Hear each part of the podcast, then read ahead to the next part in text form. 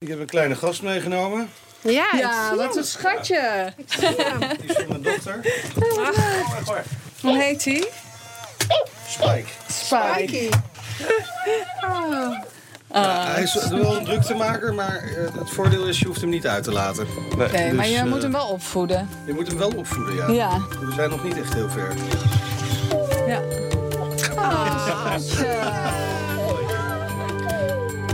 In deze podcast gaan we in op de vraag... hoe kan robotisering bijdragen aan werkgeluk? Mijn naam is Meijnerd Schut en ik ga vandaag eh, die vraag handmatig onderzoeken.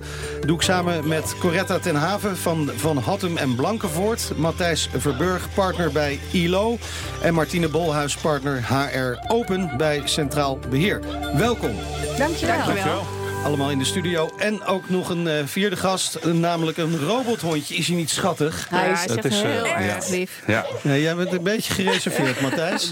Nou, god. Ja, ik zie steeds die lampjes ook. Dat, eh, maar eh, ja, hij beweegt wel heel schattig. Ja. Leuk hè? We Ja. gaan eh, Ja. onderzoeken hoe robotisering kan bijdragen aan eh, werkgeluk. Nou, dit robotje helpt daar in ieder geval een klein beetje mee. Ik ga hem toch heel even stil Uit. doen. Draait toch een beetje af, hè? Ja. Ja.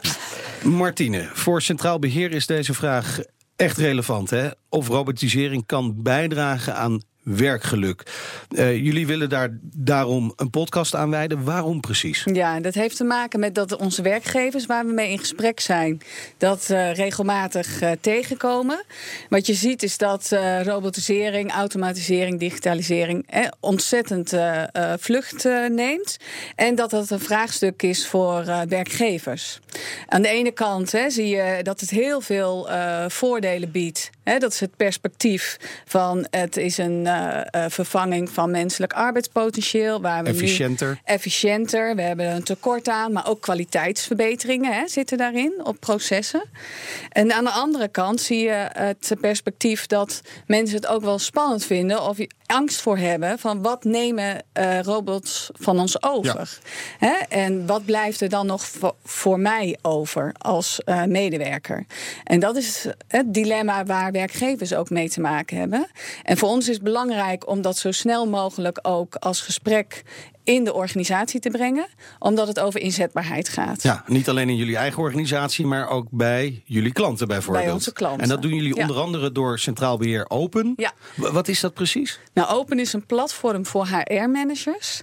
Het gaat altijd over de HR-strategische thema's inzetbaarheid, talentmanagement en flexibilisering. Ja. En in dat platform delen we kennis. Dat doen we niet alleen onderling de ervaringen die we uitwisselen. We doen dat ook samen met onze kennispartners, onder andere Nijenrode. En eh, wij eh, eh, zijn samen aan het co-creëren. Dus wat we doen is nieuwe oplossingen bedenken voor de vragen van deze tijd. Nou, een van die vragen van deze tijd gaat dus over robotisering. En vaak wordt dan in één adem ook automatisering genoemd. Is er een verschil wat jullie betreft? Ja, er is een verschil. Alleen waar ik naartoe wil vandaag is ook Ja. wel echt kijken van welke impact heeft het op de mens in de organisatie. Want dat is ons vraagstuk. Vanuit HR-management wil je eh, ja, een bijdrage leveren van hoe, eh, hoe heeft dat impact op de mens. Menselijk werkgeluk hè, gaan we het vandaag ook over hebben.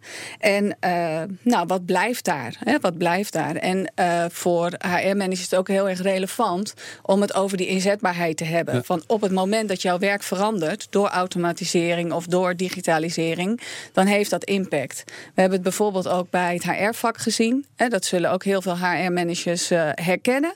Dat de afgelopen jaren eh, veel werk is overgenomen door eh, het digitaliseren van data. En daardoor kan je ook veel gemakkelijker analyses maken. Veel gemakkelijker ook je klant, hè, de medewerker bedienen. Door communicatieportals eh, in te richten en dat soort zaken. En dat betekent ook dat er werk verdwijnt vanuit Ja. HR-vak. En dat is iets eh, wat eh, soms pijn doet, hè, maar ook eh, wat heel veel ruimte weer oplevert om juist met die strategische thema's aan de slag te gaan. Een van jullie klanten is bouwbedrijf Van Hattem en Blankenvoort. Dochter van eh, Volker Wessels. En daar is Coretta ten Haven hoofd HRM. Ja. Ehm, stel ons heel even voor aan jullie bedrijf. Wat, wat doen jullie allemaal? Ja, wij zijn eh, civiele bouwer. Eh, wij bouwen infrastructurele werken. Dus eh, wegen, viaducten, eh, tunnels. Nou, Al die mooie dingen waar we elke dag eh, gebruik van maken. en waar we- op weg, ja, eh, laat ja, gaan. Of, Ja. eh, op blijven stilstaan in de file. Maar goed, het is in ieder geval stevig gebouwd. Zeker. Hoe belangrijk is automatisering in jullie bedrijfstak? Nou ja, met name, waar wij het met name zien, is een stukje digitalisering. Hè? En dat, dat je bij ons heel duidelijk een ontwikkeling op, op BIM ziet. BIM? En dat staat voor een bouwinformatiemodel. Ah, En dat is een, een digitaal model waar eigenlijk alle facetten van ontwerp tot bouw, hè, dus van ontwerp tot uitvoering van bouw, ehm, in een digitaal model eh, samenkomen.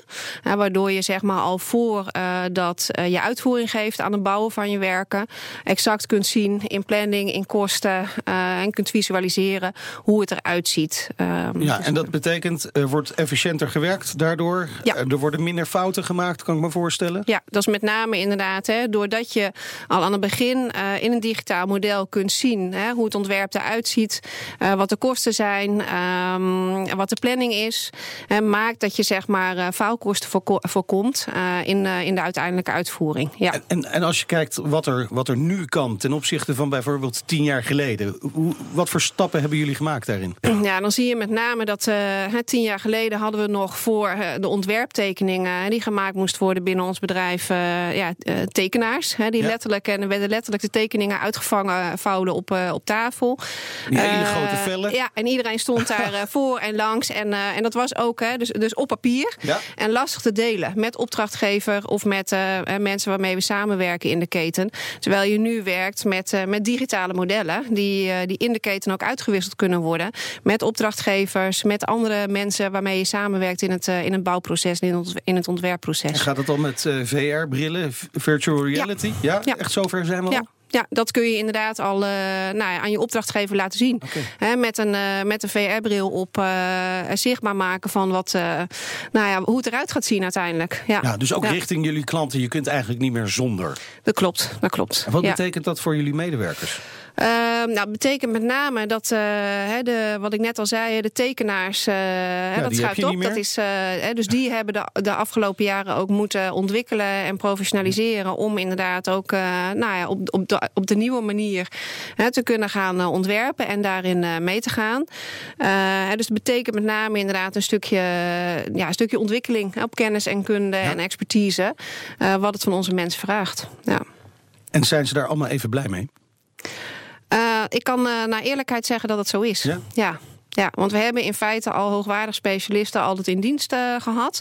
En je merkt gewoon dat, eh, dat ze het alleen maar een uitdaging vinden eh, ja, om dit traject door te maken. En daar ook zelf weer voor klaar te zijn. Ja. Vroeger hingen ze dan over die vellen. Dan was het makkelijk praten, hè, want je had iedereen bij elkaar Mhm. nodig. Hoe gaat dat tegenwoordig? Is die communicatie anders geworden? Ja, communicatie is zeker anders geworden. Dus niet meer, je, je ziet nog wel dat de mensen fysiek op de werkplek met elkaar overleggen. Maar het is steeds meer ook, ook eh, via, de, via de andere middelen eh, eh, met elkaar eh, vergaderen, eh, de tekeningen uitwisselen, digitaal. Eh, dat is echt anders geworden. Maar ja. Martine, zie je dit inderdaad ook bij andere eh, klanten van jullie? Ja, dit zie ik ook bij andere bedrijven. En inderdaad, hè, wat, wat het mooi maakt, is dat deze middelen ook weer een andere eh, dimensie geven aan het gesprek. Wat je met je klant kunt voeren. Doordat je zo snel kunt communiceren over wat je gemaakt hebt, heb je ook weer sneller dat klantcontact. Dan kun je de diepte in van wat wil je nu echt. En dat kun je vertalen naar hoe je dat doet met medewerkers, maar ook naar eh, de klant. Dus de klant is ook eh, meer tevreden uiteindelijk? Nou, ik denk dat je het beter kunt toetsen. Oké. Ja. En sneller kunt toetsen. Ja. Ja. Want ik kan me ook voorstellen dat de klant minder fouten accepteert. Omdat hij weet, ja, er zijn nu... eh, automatisering is eraan te pas gekomen. Ja, ja, maar ik zie met name zeg maar, ehm, eh, juist dat de fouten worden voorkomen. En dat je zeg maar, helemaal aan de voorkant in het proces inzicht kunt geven aan de klant. eh, hè, wat, je, wat je gaat maken, wat je bouwt. En wat de impact is op planning, op kosten. Nou, hè, dus, dus dat is eh, de, de, de foutenreductie is aanzienlijk. Ja. Nou kan me voorstellen dat die tekenaars in eerste instantie... de automatisering wel als bedreiging hebben gezien. Of waren die eigenlijk gelijk om? Eigenlijk waren die gelijk om, ja. Want die zijn ook heel erg meegegroeid in de ontwikkelingen. En dat, zie, dat is toch wel iets Dat wat... is dus een heel belangrijk heel facet erg, hier. Ja, dat is een heel belangrijk facet. Meegroeien. Meegenomen worden in eh, wat zijn de ontwikkelingen en eh, wat kan ik daarin bijdragen. Hè? Ja. Ja, het gaat over die communicatie. Hè? Van hoe kun je je medewerkers meenemen in de nieuwe technologische ontwikkelingen. Een van de vraagstukken bij transport- en vervoersindustrie zie je dat ook. Hè, dat eh, de komst van de zelfrijdende auto is natuurlijk in de maak. Ja. Hè, maar ook wel een beetje van hoe snel gaat dat en wat brengt dat ons. Nou, daar wordt nu al over nagedacht. Hè, van wat betekent dat voor chauffeurs? Hè, kun je dan veel meer de rol nemen als eh, vanuit hospitality of eh, vanuit hè, die klantcontactkant. maar dat betekent wel dat je nu al met je medewerkers daarover in gesprek moet gaan. Ver vooruitkijken Ja. dus. En, Ja. en het een geleidelijk proces maken. Waardoor het makkelijk te absorberen is door de medewerkers. Ja, maar ook persoonlijk. Van wat betekent dit voor jou als medewerker? Wil jij hier een bijdrage aan leveren? En hè, welke talenten hè, heb je nog niet aangeboord? Of heb je wellicht wel, maar zet je nu nog niet in in je werk? Daar gaat het om. Matthijs Verburg, jij bent van eh, ILO. Hè, jullie richten je nou juist op, op deze thematiek. Hè? Ja, ja. We zijn hier eh, ja, in ieder geval van eh, hoe zorg je dat mensen tot hun recht komen en organisaties ook fijne plekken zijn om te werken. Hè? Echt mensgericht. En daar hoort technologie en werkgeluk eh, allemaal bij. En nou, we hoorden natuurlijk net ook wat voorbeelden hoe het werk eigenlijk aan het veranderen is door nieuwe technologische ontwikkelingen. En ehm, ja, als je even uitzoomt, zie je dat überhaupt gebeuren. Hè. We zijn met eh 2, 3 miljard mensen verbonden via Facebook. Eh, je kunt overal je kennis vandaan halen. Je kunt als eh, in, eh, in deze tijd super makkelijk andere experts vinden. of mensen die ook dezelfde hobby hebben als jij. Of wat dan ook. Dus de wereld is heel klein geworden. We werken op een hele andere manier samen. Het gaat allemaal in hoog tempo. En die technologische ontwikkelingen veranderen ons werk. En ehm, dat dat iedereen onzeker maakt, is heel logisch. Eh, en dat is ook, denk ik, moeilijk op te lossen, die onzekerheid. Ja. Eh, we weten echt niet hoe over vijf jaar. of we hier nog in een studio staan. Ja, of dat je iets hebt. Wat Nee. was dat voor iets achterlijks? Ja. Eh, en, ehm, dus het punt is, eh, die onzekerheid is er. Dus dat betekent steeds aanpassen, elkaar daarbij helpen. Ja. En eh, ik denk, hè, als je gaat kijken naar eh, wat moet je daar zelf mee, is het ook vooral denk ik van belang om goed voor jezelf te gaan bepalen. Eh, wij noemen dat, hè, wat is jouw verhaal? Van eh, wat wil je eigenlijk echt bereiken? Wat, vind, wat is nou belangrijk in jouw leven? Hoe past werk daarin? En welke talenten breng je mee? Zodat je je eigen kompas hebt om steeds te kijken, oké, dus eigenlijk mijn baan ver- verandert of wordt weggeautomatiseerd. Maar hey, dat is misschien een mooie kans om te gaan doen wat ik eigenlijk nog liever wilde. Ja. Maar je betekent ook dat je steeds aan het bijscholen bent eh, of nieuwe wegen moet gaan zoeken. En daar moeten we met elkaar een beetje aan wennen. Dat we eh, dat werk eigenlijk zo aan het veranderen is dat het. En, eh, en dat is de missie van ILO, om, om bedrijven daarmee te helpen? ja, nou in ieder geval om eigenlijk die in een veel hoger tempo bij jezelf te verkennen. Hoe zit het bij mij? Eh, dat, hè, we noemen dat je verhaal. Het tweede is dat je ook verkent wat zijn mijn opties. Eh, maar dat kun je ook met een team doen. Wat zijn mijn opties? Wat doen wij over drie jaar? Eh, waar verbind je je aan? En dat kan een project zijn van een maand. En dat kan een eh, grote klus zijn voor drie jaar. Eh, dus ergens zeg je, ik ga dit doen. Eh, en wij noemen ook verwonderen als vierde V. Eh, ik heb anderen van de week horen zeggen dat we in deze tijd af en toe eens moeten verstillen. Dus dat betekent dat je eens even je laat inspireren, rust neemt en hele andere dingen voor jezelf toelaat om eens op nieuwe ideeën te komen. Ja. En eh, zeker in een tijd waarin het zo hard gaat, moet je dat echt bewust doen. Ja, maar dit is Ja, natuurlijk mooi. op zich wel iets van alle tijden. Gewoon even uit het raam staren. Ja. Kan heel goed zijn. Lummelen. Toch? Ja. Ja, ja. Lummelen. Net doen Ja. alsof je niks doet, maar dat is heel goed. Strategisch lummelen. Ja, Ja. Maar je, ziet Loretta? inderdaad wel eh, dat daar wel een versnelling in plaatsvindt. Hè. Daar waar je zeg maar, eh, om bij de tien jaar geleden te blijven, heel sterk zag dat, eh, eh, dat eh, medewerkers zoiets hadden van nou, mijn werkgever is verantwoordelijk voor hè, het investeren in mij. eh, en je ziet steeds meer een verschuiving komen van ja, de duurzame inzetbaarheid is gewoon eigen verantwoordelijkheid. Ja.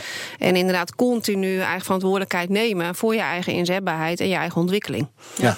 Ja, dat is wat we van medewerkers verwachten. Hè? En daarin verwacht ik ook van werkgevers dat ze tijdig hè, dat gesprek aangaan en ruimte geven om eh, daarover te mogen hebben. Hè, want eh, de vraag van hè, waar, eh, waar wil ik een bijdrage aan leveren, daar gaat ook aan vooraf. Hè, waar gaan we naartoe als bedrijf? Hè? En eh, match dat met elkaar. Want die visie, kan ik me voorstellen, die moet juist inderdaad van de bedrijven komen. Zeker, Ja. zeker.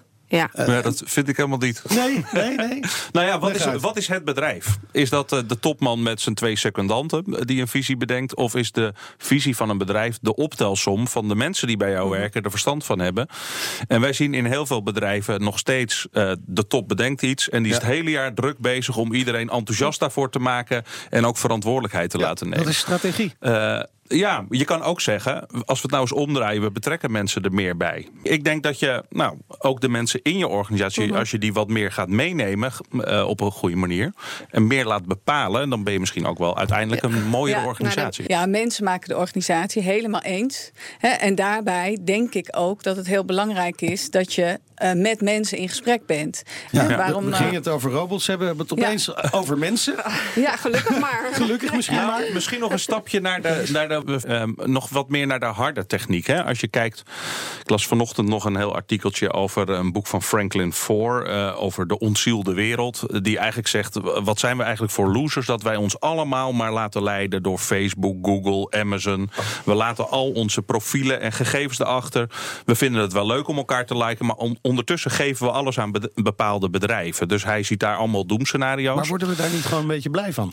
Nou, deels wel, maar van deels ook niet. Hè? Als er een grote hek is en eh, eh, alles wat jij eh, dacht met bepaalde mensen gedeeld te hebben ligt op straat, dan kan dat, kunnen we dat ook heel naar vinden. En het punt is een beetje, tot en met de, hè, de killer robots waar Elon Musk ook voor waarschuwt, zelfdenkende robots Ja. die over ons de macht nemen. Dus ergens is, denk ik. Eh, ook de kunst dat we wat kritischer gaan worden in wat doen wij met technologie. Hoe wordt het ontworpen? Heel klein voorbeeldje zal jou aanspreken als eh, autoliefhebber. In de. Tesla Ja. hebben ze bijvoorbeeld. eh, we waren gewend als je met een automaat reed. dat als je het rempedaal indrukt, hè, dat hij stilstaat. en als Ja. je hem loslaat, dat hij langzaam gaat rijden. Dat. Dat waren we gewend. Mhm. Eh, de Tesla werd gemaakt, dat zat er niet in. Want dat slaat eigenlijk nergens Nee. op. Hè. Als je stilstaat, sta je stil. En als je gas geeft, ga je rijden. Maar omdat mensen dat misten, oké, nou dan doen we dat in de software er wel weer in. Want dat vinden jullie fijn. Ja. Nou, dat is een heel lullig voorbeeld misschien. Eh, maar als je technologie ontwerpt met eigenlijk hoe helpt het ons als mensen Precies. verder. Juist. En dat we met z'n allen ook wat meer die rol gaan nemen van wij mogen best wel wat eisen wat technologie wel voor ons doet en niet. Ja. Dan kan het ons ook uiteindelijk eh, ook een beetje beschermen voor de nare Ja, kanten. het gaat de- over de waarde hè, die Ja. je toevoegt. Waar, waarvoor hè, gebruiken wij ro- eh, je robotisering? Waarvoor zetten we het in? Ja. Hè, is dat inderdaad vanuit klantkant? Is dat vanuit medewerkerkant? Vanuit die financiële waarde? Dat, dat zijn wel eh, vraagstukken die je van tevoren al moet bedenken. Ja, en als ik het goed begrijp, Ja. is dus de oplossing niet altijd de meest logische, zoals dat Tesla-voorbeeld, maar vooral ook diegene die het beste past bij de mens. Ja, precies. En hoe bevoegt het voor ons allemaal iets toe in ons leven? Maar hoe ver durven we Ja. daarin te gaan? Nou ja, als ik, eh, wat, wat ik eh, wel een heel mooi voorbeeld eh, vind. Nou, van Hartelijk Belang voor het onderdeel van Volker Wessels. Hè. Ehm, eh, die hebben het project eh, Morgen Wonen. En eh, dat gaat daarover. over. Hè. Dat gaat over eh, eh, echt die elementen uit de, uit de woning hè, eh, kunnen gebruiken, eh, kunnen plaatsen. En bij wijze van spreken de volgende dag weer uit elkaar kunnen, kunnen halen. Hè, dus, eh, dus echt eh, duurzame woningen bouwen.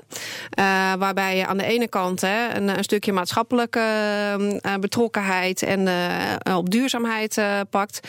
En aan de andere kant ook eh, ja, eh, duurzaam wonen eh, bevordert. eh, waar ook eh, mensen op kunnen zitten te wachten. Ja. Hè? Dus Ja. dat eh, Ja. van twee kanten. Ja. Ja. Ja. Ik vind het ook wel hele mooie voorbeelden zoals ze nu in de zorg zijn. Hè, van eh, eh, robotisering hè, bij eh, de persoonlijke verzorging. Hè, soms wordt daar gezegd van hé, hey, maar dan missen we het persoonlijke contact. Nou, wellicht is die verzorgende daardoor juist weer meer in staat om het persoonlijke gesprek te voeren. En er zit nog een eh, cliëntvraag aan. Van misschien vind ik het wel veel prettiger om eh, niet door een eh, verzorgende worden te, verzorgd, maar juist door een eh, hè, robot waarin ik eh, veel meer mijn privacy ervaar en mijn eigen waarde, Ja, tenzij er weer speakers in zitten die meeluisteren. Ja, of camera's. Ja, precies. Martine, wa- wat is voor jou de droomsamenwerking tussen mens en robot? Ja, voor mij is toch wel echt uh, steeds kijken van wat, wat is die toegevoegde waarde hè, van, uh, uh, en het, het, persoonlijke gesprek vanuit werkgeverschap, dus leidinggevende met medewerker, van waar voegt het iets toe en wat betekent dat voor mij? Wat betekent dat voor mij als medewerker? Waar kan ik nog mijn skills op inzetten? En even wat we nog niet hebben aangeraakt, is dat die skillset ja. van wat wij gaan inzetten in de arbeidsmarkt ook echt aan het veranderen is. We hebben uh, nu in de bedrijven toch wel geworven op oude skills, op oude uh, vaardigheden. En die is echt aan het veranderen. En we gaan steeds meer toe naar uh, medewerkers die we nodig hebben op het gebied van aanpassingsvermogen, leervermogen, waarin je gedrag ja, nodig hebt op nieuwsgierigheid, lef, andere type vaardigheden. En ik denk dat die er zijn en dat medewerkers die nu in ons bedrijfsleven aan het werk zijn, dat ook hebben. Alleen zullen we het moeten aanzetten. En daar gaat ook dat gesprek over inzetbaarheid over. Hele mooie concrete tips zijn dat waar mensen gelijk mee aan de slag kunnen. De hoogste tijd om uh, deze podcast uh, af te ronden en om uh, deze rakker hier uit te gaan laten. Dat is vooral voor mij waarschijnlijk heel erg goed. Een frisse neus halen moeten Hij we niet overlaten. Hij mag wel even met mij mee hoor. Dank voor jullie bijdrage, Coretta ten Haven, Matthijs Verburg en Martine Bolhuis. Luister ook naar onze andere open gesprekken en kijk eens rond op de pagina centraalbeheer.nl slash open.